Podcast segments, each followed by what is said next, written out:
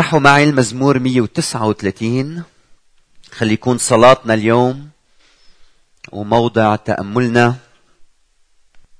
المزمور 139 يا رب قد اختبرتني وعرفتني. أنت عرفت جلوسي وقيامي.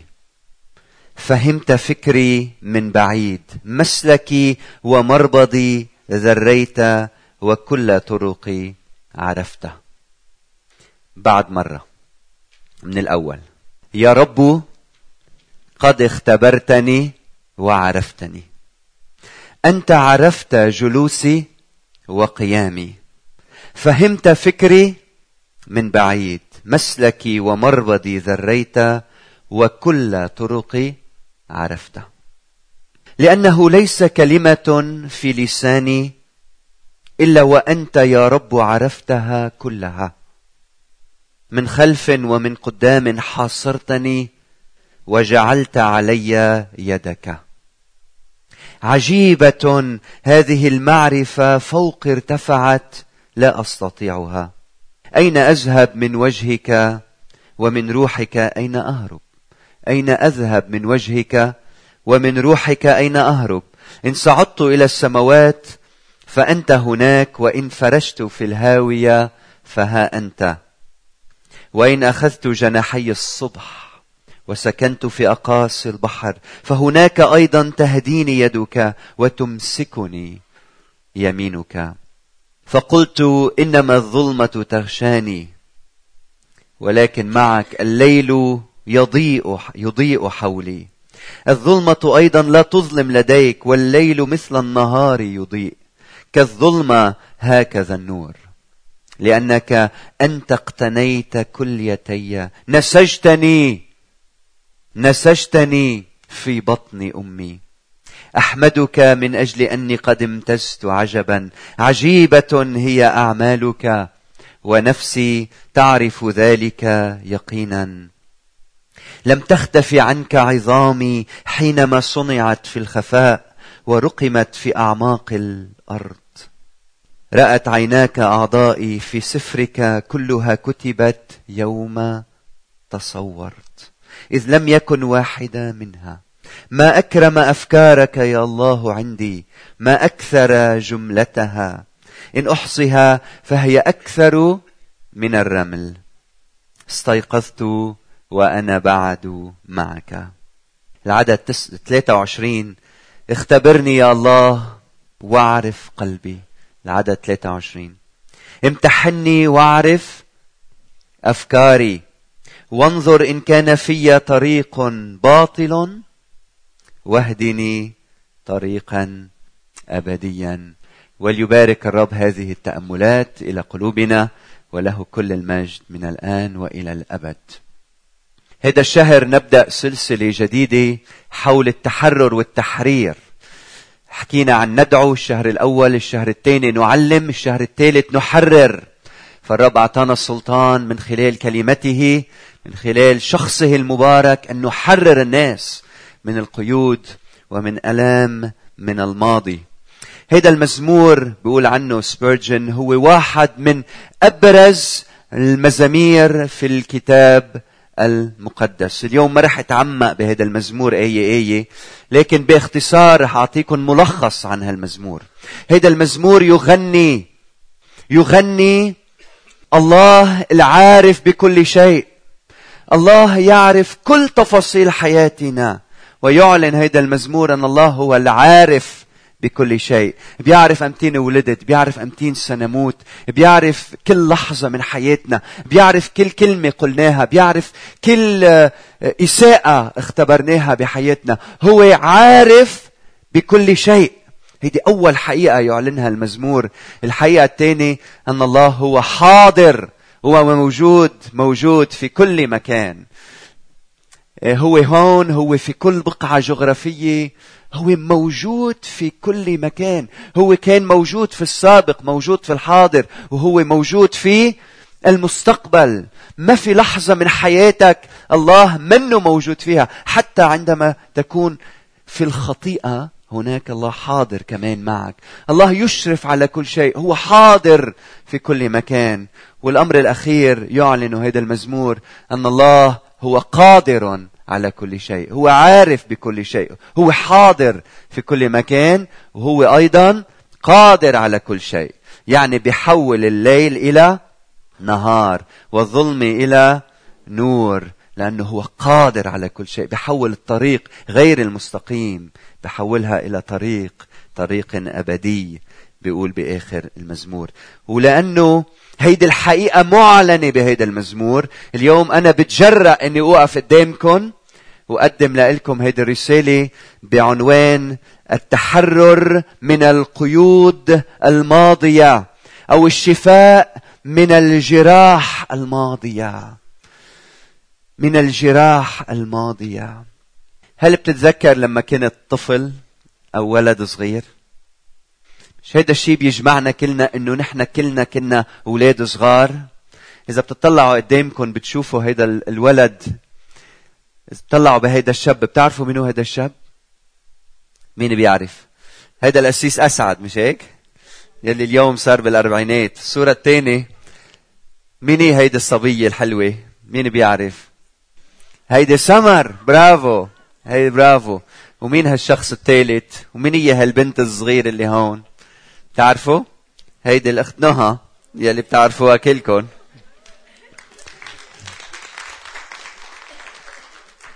ومن هو الشخص الرابع؟ من هو هيدا الشاب الحلو؟ نعم. هيدا رافي يلي بيقول التسبيح مش هيك؟ نفس الابتسامة. نفس الابتسامة. فلأنه نحن انتبهوا معي منعيش بعالم منه كامل. عالم في ألم عالم يلي فيه ناس بتأذينا ونحن بنأذيهم. لأنه ما حدا كامل بهيدي الدنيا. هودي الأطفال الصغار الحلوين الأنقياء يلي عندهم طهارة وجمال. هن وعم يكبروا رويدا رويدا بينصابوا بجراح. البعض يسيء لهم بالكلام. البعض يسيء لهم بمواقف صعبة بيشوفوا أمور غير مقدسة بيسمعوا عن أمور غير مقدسة فبيربوا رويدا رويدا ببلشوا يختبروا ألم جراح تحديات صعاب ألم. وإذا ما منعف ما, ما, ما لنشفى إن كنا لنشفى من هذه الجراح ممكن أن تؤثر على حياتنا فيما بعد. الجراح اللي عم احكي عنها اليوم هي منا جراح جسدية. بتركض بتوقع بتروح إجرك صح؟ بتجرح إجرك بعدين بتصح. عم احكي عن جراح نفسية جراح عاطفية جراح في كيان الإنسان جراح في قلب الإنسان في نفس الإنسان.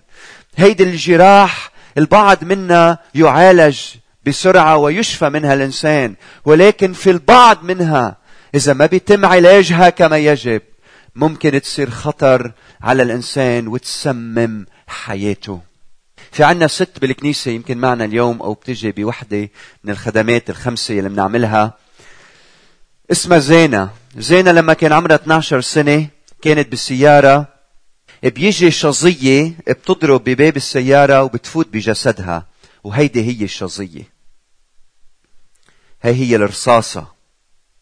فهالرصاصة فاتت من السيارة وضربت بجسمها. بيسمعوا صوت بقلب السيارة فقعة. بيسأل اللي عم بيسوق السيارة حدا صار له شيء هيدي رصاصة؟ فهي بتقول أنا عم بضيق نفسي عم بضيق نفسي. فمثل الصاروخ بياخدوها على المستشفى وهونيك بينعمل لها عملية لكن ما بيقدروا يشيلوا الرصاصة من جسمها بسبب إنه هيدي الرصاصة كانت قريبة من سنسة الظهرة. وخافوا إذا عملوا هالعملية ممكن يأذوها إلى الأبد. فبقيت هيدي الرصاصة 15 سنة بجسد زينة.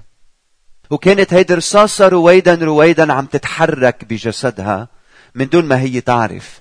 كان عندها أوجاع بتروح عند الحكيم ما حدا بيعرف شو بها ليش بيوجعها ظهرها. ومن بعد 15 سنة بقيت تتحرك هالرصاصة بجسمها. إلى أن تسمم كل جسمها وكانت على وشك الموت. فأخذوها على المستشفى وعملوا لها عملية ولأنه تحركت من مكانها قدروا يشيلوها من جسدها. وشالوا رصاصة من جسدها وتعافت وهي هلأ بألف خير بألف خير. بدي أخبركم اليوم أنه كل واحد منا في رصاصة بنفسه بقلبه. وإذا ما منشيل هيدي الرصاصة من حياتنا. في خطر إنه هيدي الرصاصة تسمم كل علاقاتك وكل حياتك وزواجك ومستقبلك وحاضرك. لأنه هيدي الرصاصة إذا تركناها لسنين عديدة هيدا الجرح بيلتهب بيعمل وبيأثر عليك بتطلع منه رائحة كريهة بيأثر عليك وعلى كل اللي حواليك. إذا انكسر قلبك ولم يعالج في خطر إنه هيدا الكسر يسمم قلبك فيما بعد. اليوم الرب بده يعالج جراح مدفونة بقلبك من سنين عديدة. هل أنت جاهز؟ هل مستعد إنه الله يعالج هالجراح الموجودة فيك؟ كيف الله بيعالجها؟ قبل ما جاوب عن هالسؤال بدي أحكي شوي عن مظاهر يلي منشوفها اليوم يلي منلاحظها بحياة الناس نتيجة هالجراح الموجودة بقلبهم. واحدة منهم مثلا الغضب. بتشوف بعض الناس عندهم غضب مستمر صح؟ في كتير رجال بحكي معهم مرة بالكنيسة طلبنا من كل واحد من كل رجل يكتب شو هي الخطية يلي بيوقع فيها باستمرار. يلي كانت على رأس اللائحة كانت الغضب الغضب. الغضب نتيجة جرح ألم صار معك بالماضي ولم يعالج أنتج أنبت غضب في حياتك اليوم. أنا ربيت ببيت في كتير غضب كان. كان الوالد مع كل محبته للعائلة لكن بسبب تربيته كان عنده غضب شديد في كل وقت. إذا الطبخة غير شكل بيغضب. إذا الطبخة منزوعة منزوعة بيغضب. إذا لوحده بيغضب إذا مع الناس بيغضب. إذا ماشي بالسيارة وحدا بيقطع عنه بيغضب. إذا ماشي بالسيارة والقدامه ماشي على مهله بيغضب. إذا ماشي بالسيارة وما فيش حدا حواليه بيغضب. إذا لوحده بيغضب. إذا بالسيارة معه ناس بيغضب. فعنده غضب مستمر. والسبب هو في جراح دفينة مدفونة بقلبه لسنين عديدة. وما تم علاجها؟ بالشكل الصحيح. البعض عنده شعور بعدم الأمان. شعور مستمر بعدم الأمان بالنقص. عطول بده اهتمام زائد عطول بده جرعة من التشجيع. كتير سهل عليه إنه ينتكس.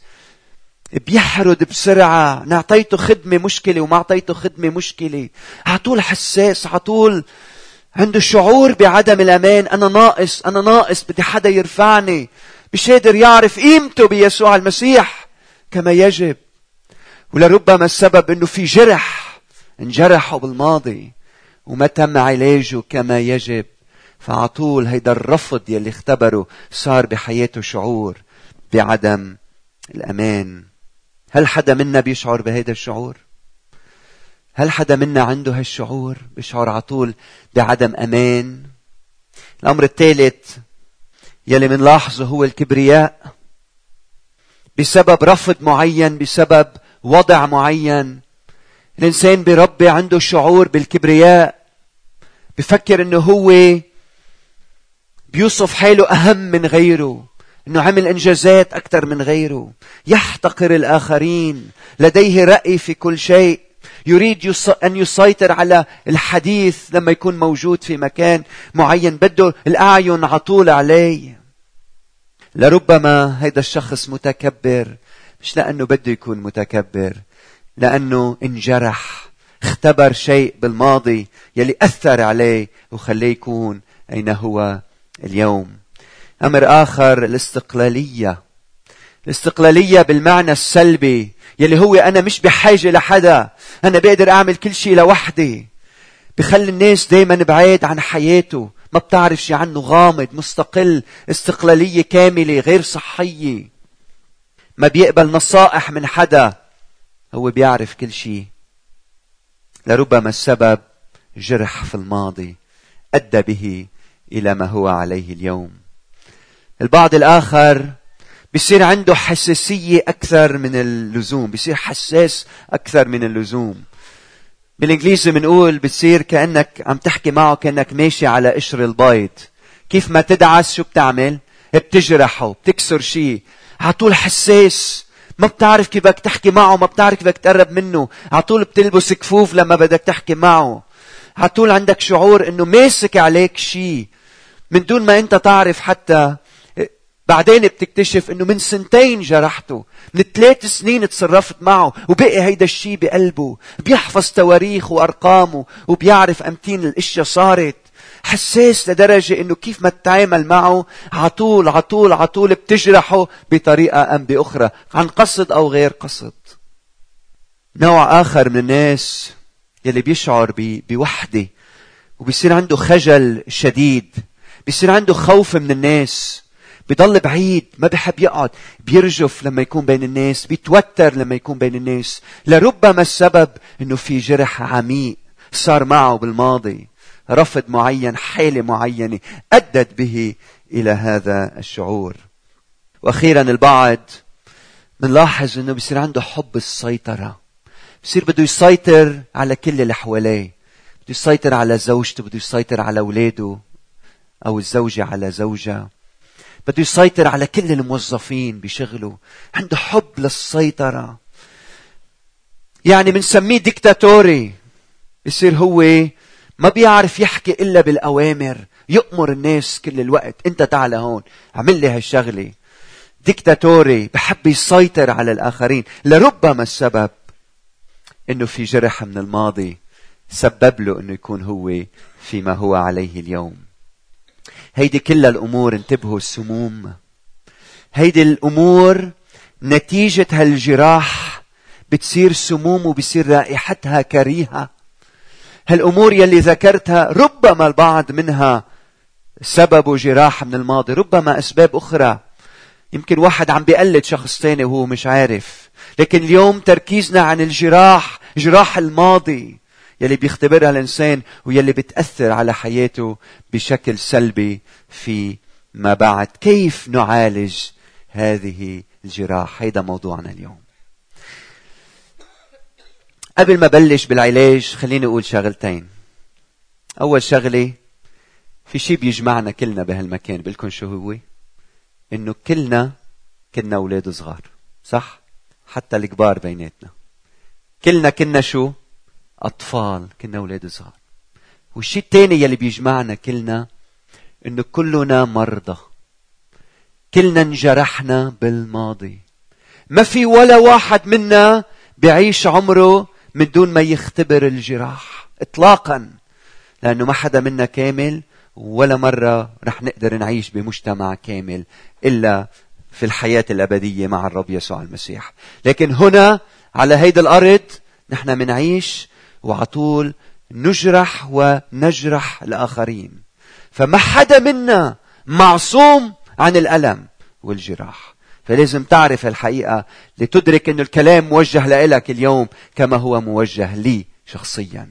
كل واحد منا عنده جراح. هل بتعرف جراحك؟ هل بتعرف كيف تداوي هيدي الجراح اللي أدت بك إلى ما أنت عليه اليوم. نعم البعض بينجرح أكثر من غيره بسبب ظروف وبيئة بيربى فيها لكن كلنا كلنا مرضى ونحتاج للشافي الرب يسوع المسيح. طيب كيف نعالج هذه الجروح؟ اكتبهم عندك. اكتب هيدا الدرب يلي بيساعدك تعالج الجراح الموجودة بقلبك وبحياتك. أول أمر لما بتكون بحالة الصلاة والتأمل والتبصر والتمعن خصص وقت بصلاتك إنك تدعي الروح القدس الروح العالم بكل شيء موجود في كل مكان القادر على كل شيء روح الله. ادعيه الروح القدس إنه ياخدك بنزهة في تاريخك بنزهة في حياتك في ماضيك ويوقفك عند محطات رئيسية أساسية رئيسة مهمة.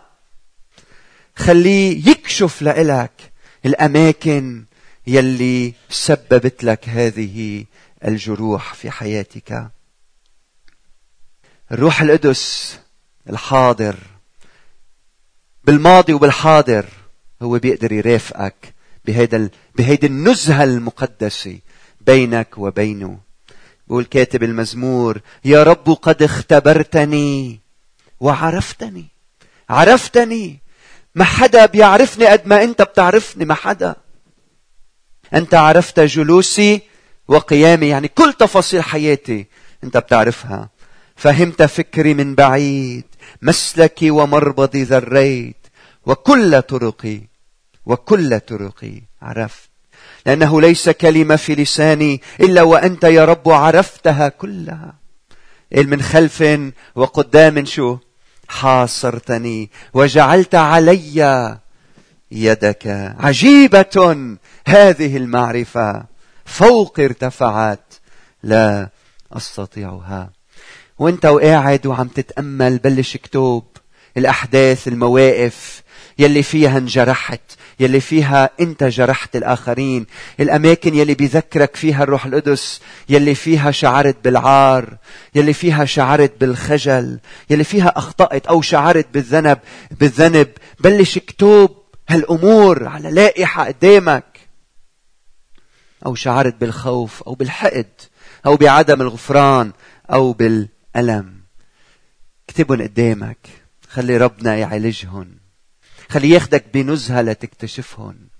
بتذكر أنا عندي خيين وأخت. نحن ثلاث شباب كتير عمرنا قريب من بعض. 11 شهر بين كل واحد والتاني.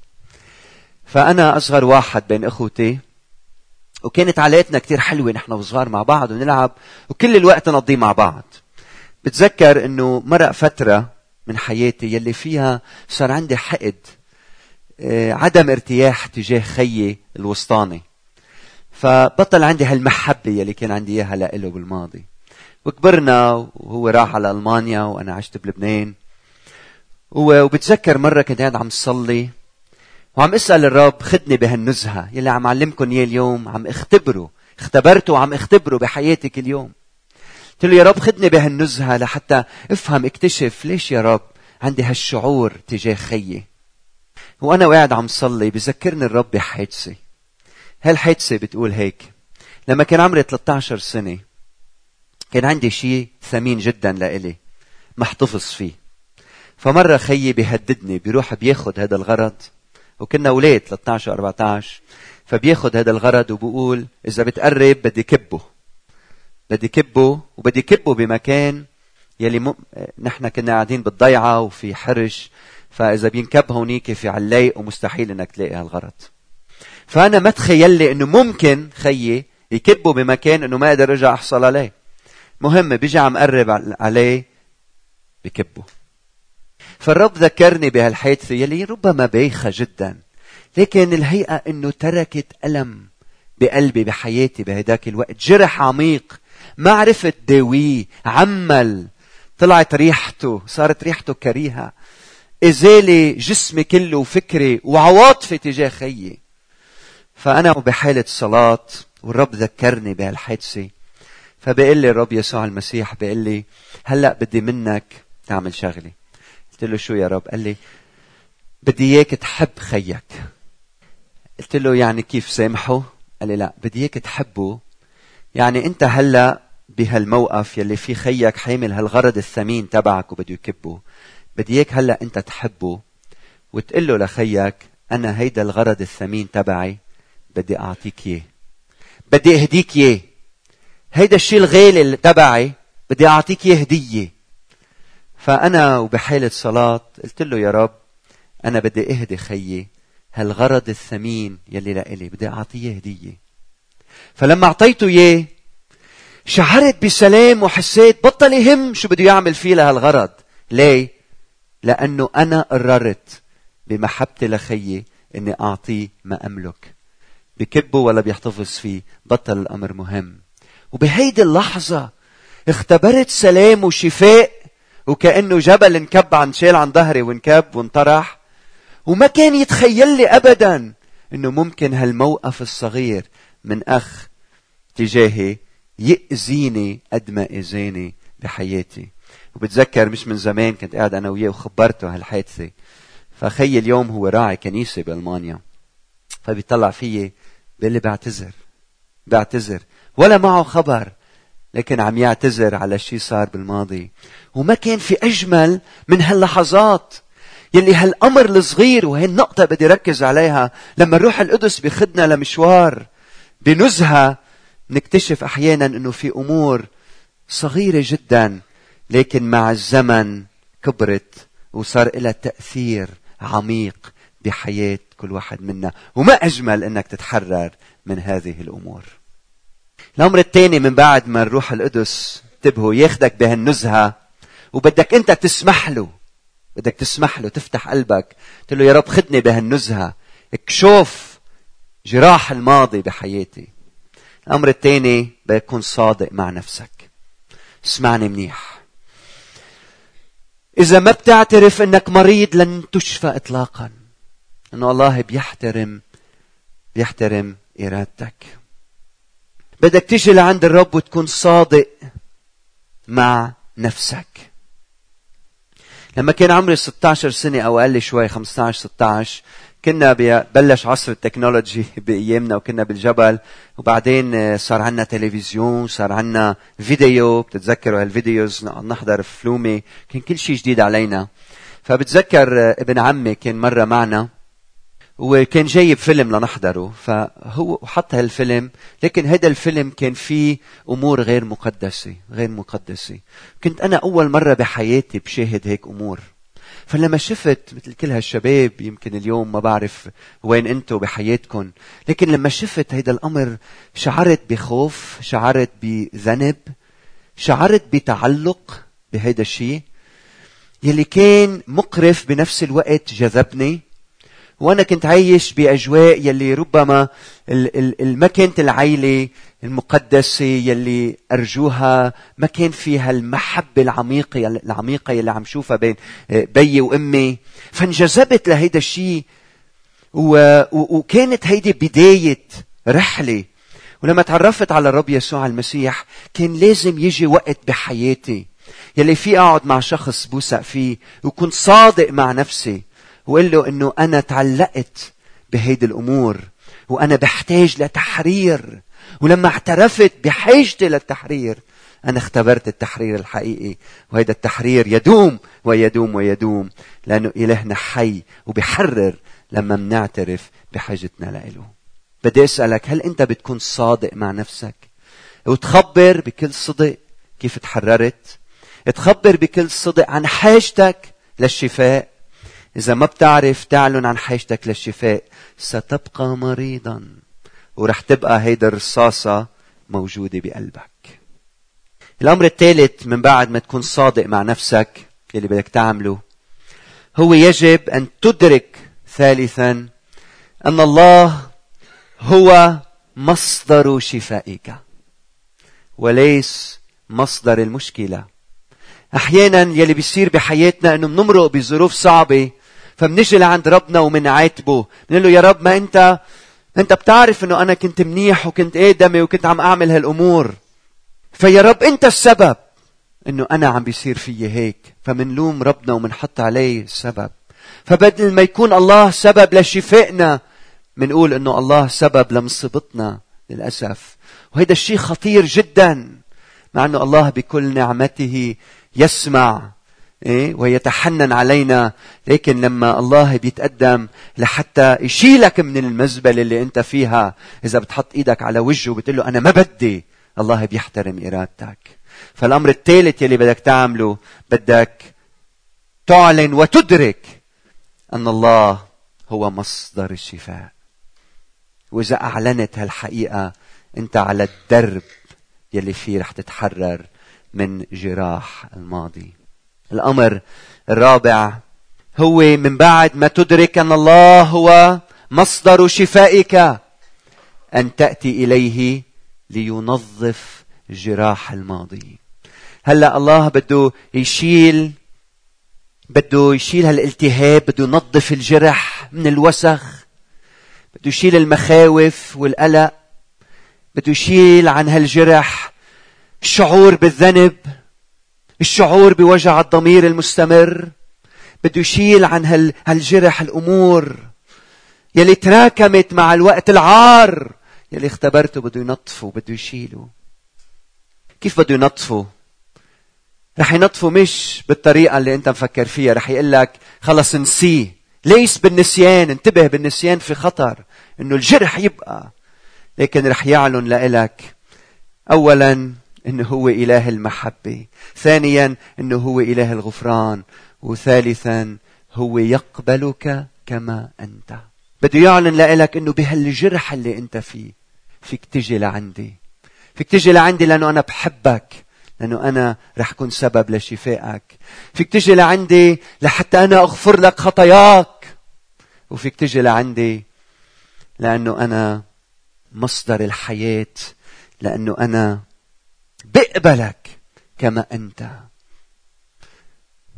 تعرفوا هالقصة قصة قصة هالام يلي بالسوق بالسوق الخضرة ومعها بنتها. وهيدي البنت بتروح بتركض وبتهرب وبتفلت بتروح تلعب بأماكن متعددة وبتصير هالأم عم تبرم على بنتها. هالبنت هي وعم تلعب بتوقع بتوسخ حالها ينكب عليها أشياء بتصير سودة من الوسخ. وهي وعم بتفتش على امها وامها عم بتفتش عليها وكلهم عم بفتشوا على بعضهم. بعدين بتطلع الإم بتشوف بنتها من بعيد. بنتي حبيبتي. شو رايكم الإم بتقول هلأ؟ لحظة. روحي تحممي وتعي لعندي ولا بتركض وبتعبطها بوسخها وجيتها. هيك الرب يسوع المسيح. بدنا نعرف إنه هالجراح اللي عنا يلي سودت حياتنا يلي وسخت حياتنا يلي ربما إدتنا للإدمان. وعلقتنا بأمور غير مقدسة. انتبه. لما تدرك محبة الله وغفران الله وقبول الله لإلك بتجي بجراحك وبتحطهم عند الصليب. والرب يسوع المسيح يطهرنا من كل خطيئة.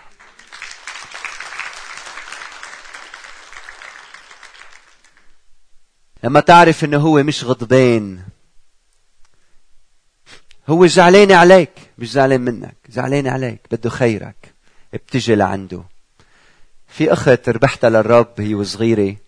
كبرت هلأ وصارت برات لبنان.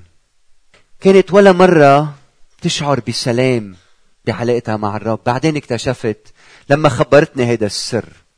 قالت لي نحن ست سبع بنات بالبيت وبي دايما كان بده صبي. دايما بده صبي. أول واحد اجى بنت تاني بنت ثالث بنت رابع بنت. لما إجت هي رقم ستة بالعيلة بنت. بيا كرهها. كان على طول يحس تحس إنه غضبان عليها. كان دايما تسمع هي وصغيرة روحي من هون كان بدنا صبي لك شو إجينا. فتشعر بالرفض والذل والعار. ما كان فيها تجيب مشاكلها لعند بيها ليه؟ لأنه بيها رفضها. ما فيها تجيب صعوباتها وتحدياتها وخطاياها. ما فيها تجي وتفتح قلبها لبيها ليه؟ لأنه هي بتعرف أنه بيها بيكرهها. إذا بتعرف أنه الله بحبك كما أنت تأتي إليه.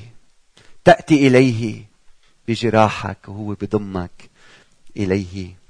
الأمر الخامس يلي بدك تعمله من بعد ما تسمح لله يبلش ينظف هالجرح بدك تعطيه هيدا الجرح لحتى يداويه لحتى يداويه بدك تجيب هيدا الجرح وتقول له يا رب هيدا الجرح يلي ذكرتني فيه بهيدي النزهة بدي أنا أعطيك إياه لحتى أنت تداويه مثل ما بدك وتقطبه. مثل ما أنت بتريد. حتى ولو هيدا الشيء بده يتضمن ألم بحياتي لكن بدي أعمله لأنك أنت هو الشافي. بدي أعطيك يا رب هيدا الجرح لحتى أنت تشفيه بحياتي. هل بتفتح هيدا الجرح؟ تعرف أيام بنخبيه للجرح لما حتى حدا ما لحتى ما حدا يشوفه بنخبيه للجرح صح؟ شو رأيك اليوم ترفع القناع عن وجهك وتجي لعند الرب وتقول له يا رب أنا مجروح؟ هيدا هو جرحي. ساعدني ضمد لي جرحي. اشفيني أيها الرب؟ من العار والذل. بدي أسألك ليه بدك تحمل كل حياتك عار؟ حمله الرب يسوع المسيح على الصليب. ليه بدك تختبر الموت؟ أنت يا ابن ملك الملوك ورب الأرباب. بالوقت يلي فيه ملك الملوك ورب الأرباب أعطى حياته من أجلك. إياك إياك تهرب من الشخص يلي بيده الشفاء. إياك تعال عنده. تعا وتراح العار على يلي تحمل عارنا كلنا. تعا وقل له هيدا الموت وهيدا الريحة الكريهة اللي بقلبي وبحياتي وبتصرفاتي. أعطيك إياها أيها الرب لأنك حبيتني هالقد. الذي لم يعرف خطيئة صار خطيئة لأجلنا لنصير نحن بر الله فيه. تعال عنده خليه يضمد جراحك. خليه يشفي هالجراح الدفينة الموجودة في قلبك. من بعدها بيجي الوقت تعبر عن امتنانك وشكرك. من بعد ما يكون أخذ العار وهالجرح هيدا ولبسه هو. بيجي الوقت يلي فيه بتقول له شكرا يا رب. فضروري انت يلي اختبرت الشفاء باستمرار تعبر عن امتنانك وشكرك لحتى تختبر اللي من بعد التحرير الكامل بإعلانك. أنا حر بيسوع المسيح. شكرا أيها الرب لأنك حررتني تحرير حقيقي. خبركم هالقصة من حياتي كمان. قصة بسيطة لكن بتعني لي كثير لما كنا صغار كنا بالجبل كنا دايما نروح بوقت بالصيف نلعب بالحراش ونعربش على شجر الصنوبر. وكنا نقطف صنوبر كويز صنوبر ونجيبهم على البيت وكان كنا نحب نعيش بالطبيعة جدا. بتذكر بمرة من الأيام كنت أنا وخيي الكبير كنا رايحين وبدنا نعربش على هالشجرة قلت أنا بطلع بالأول. فعربشت شوي ولقطت إيدي لأطلع عم أمسك الغصن حتى أطلع وإيد التاني منا معلقه بشي فبينكسر الغصن فيي. فلما انكسر وقعت أنا من فوق وجيت على ظهري. جيت على ظهري أول شغلة صارت انقطع نفسي. بطلت قادر أتنفس حسيت حالي عم أختنق. وخيي حدي بتذكر عم يطلع فيي ما بيعرف كيف بده يساعدني. وأنا مش قادر أتنفس ولأنه مش عايد علي ما كنت عارف إذا رح هلأ رح موت ولا فكنت واعي لهالشعور إنه هلأ أنا عم أختنق. وبعدين رويدا رويدا رجعت اتنفس يمكن من بعد دقيقة أو دقيقة ونص بلش يرجع نفسي فصار عندي وجع رجعت على البيت وكانت يمكن بهديك الفترة آخر مرة أنا بتسلق على شجرة ليه؟ لأنه صار عندي شو؟ خوف صار في جرح بقلبي سبب لي إني خاف إني أطلع على الشجرة فيما بعد لما كون أنا بيني وبين الرب والرب يعالج لي حياتي وماضيي كله لأنه أنا مثلكم مجروح لأنه ما في إنسان ما عنده جراح في قلبه. بتذكر كيف الرب أخذني حتى بمشوار بهذا الموضوع. وقال لي ليه أنت بتخاف لأنه صار معك هيك مش هيك؟ بس أنا ما سمحت أنك أنت تموت وأنا أعطيتك الحياة. وكم من مرة اختبرت تحرير الرب لإلي بهيك أمور. وهلأ يلي بيعرفني وبيروح معي على الحقلة حتى بهالعمر لما باخذ ولادي أول ما أوصل على حرش الصنوبر بتعرفوا شو أول شغلة بعملها؟ أنا بعربش على الشجرة. ولما بعربش على الشجرة وآخر مرة نطيت من شجرة لشجرة فعلا. ولما بطلع على الشجرة أنا بطلع لحتى أعلن وأشكر الرب إنه هو حررني من الخوف وأعطاني انتصار حتى بهيدي الأمور البسيطة. فبدي شجعك تطلع على الشجرة. من بعد ما تكون تحررت وتقول له يا رب أنا حر أنا حر وما في أجمل من الحرية بالحياة كلها. ما في أجمل أنك تعيش غير مقيد تعيش غير مدمن تعيش حر حقيقي. بدي شجعك اليوم إنك تشفى بقوة يسوع المسيح بعمل الروح القدس بحياتك وتتحرر من جراح الماضي. لأنه جبتها قدام الرب لأنه رحت بنزهة معه. لأنه سمحت له أنه ينظف هالجراح ويضمدها وسمحت له أنه يشفيها بالكامل وأنت أعلنت عن حريتك وصار فيك تحكي عن هالمواضيع من دون خجل. وأهم شيء أوعى تخلي الشيطان يحكي بدينتك وإياك أنك تسمع له إياك. لأنه الشيطان بحب يركز على المشكلة وإلهنا بيركز على الحل. وبيجي من وقت للتاني بيقول لك بس انت يلي صار فيك كان شيء كتير كبير مش لازم تنساه. هالجرح يلي صار بحياتك انت غلطه بحقك كتير. انت انظلمت انت أسيء فهمك. ما تسامح! ما تغفر!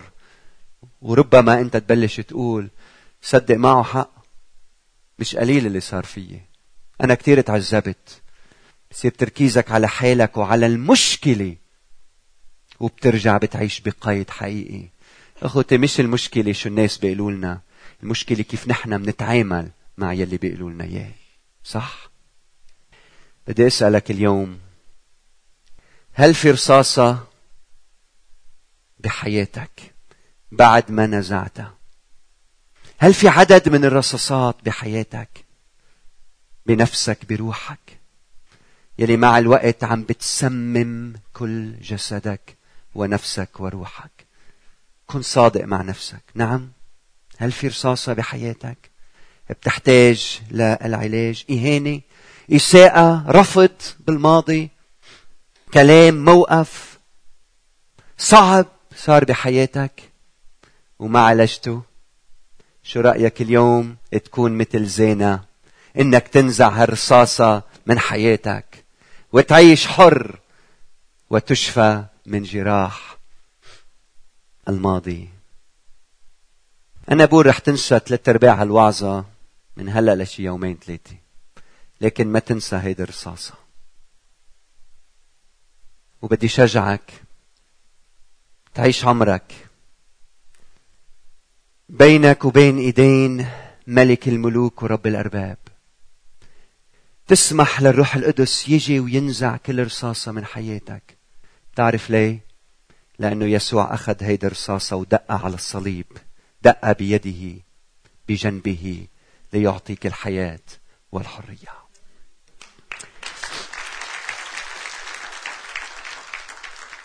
هيدي الرصاصة يلي دقت مساميرا بيد يسوع المسيح. هذا العار يلي حمله يسوع. ليش بدك تعيش فيه كل عمرك شو رأيك اليوم تصلي معي وتجي لعند الرب يسوع المسيح؟ مع عارك مع جرحك.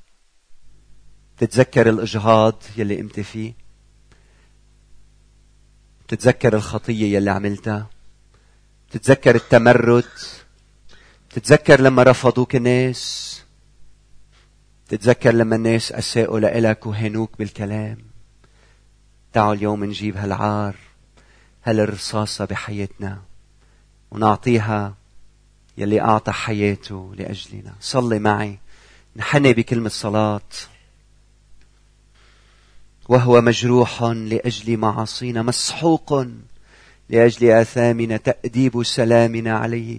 وبحبره شفينا كلنا كغنم ضللنا. ملنا كل واحد إلى طريقه. والرب وضع عليه إثم جميعنا. ظلم ما هو فتذلل ولم يفتح فاه.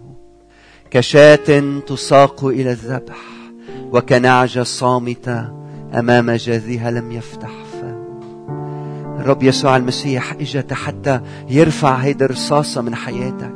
ليه بعدك متمسك فيها؟ ليش تركها تسمم جسدك كله وحياتك كلها وعلاقاتك ونظرتك لنفسك؟ ونظرتك للآخرين. تعا وتحرر.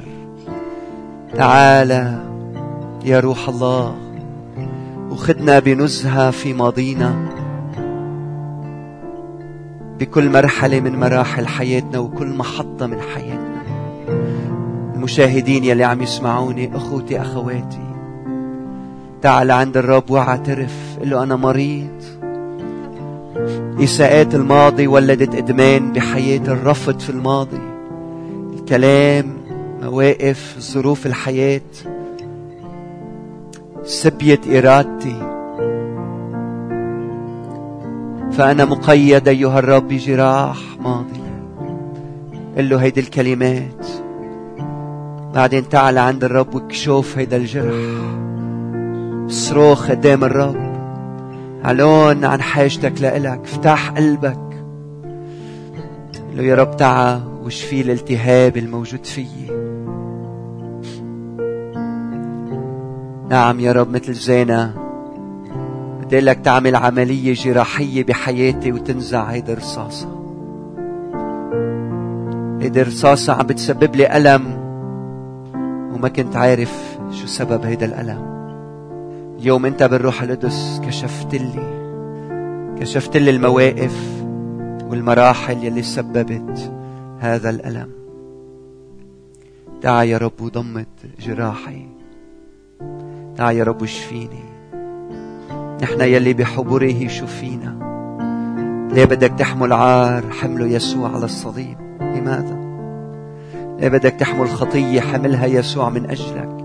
هل قد حبك أنه حمل خطاياك وعارك ونتيجة خطاياك الموت. هل تعطي حياتك ليسوع؟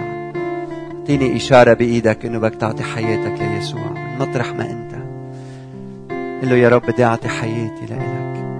بدي أجي مش بكمالي بدي أجي بوسخي قدامك. لا أنت تنقيني وتطهرني وتغسل قلبي. تعطيني ولادة جديدة من عندك. أرجوك يا رب بارك شعبك ساجد أمامك. هلأ الوقت بينك وبين الرب. خلي الرب يحكي معك ويقودك. افتح قلبك لإله خليه يحكي معك بروح القدس.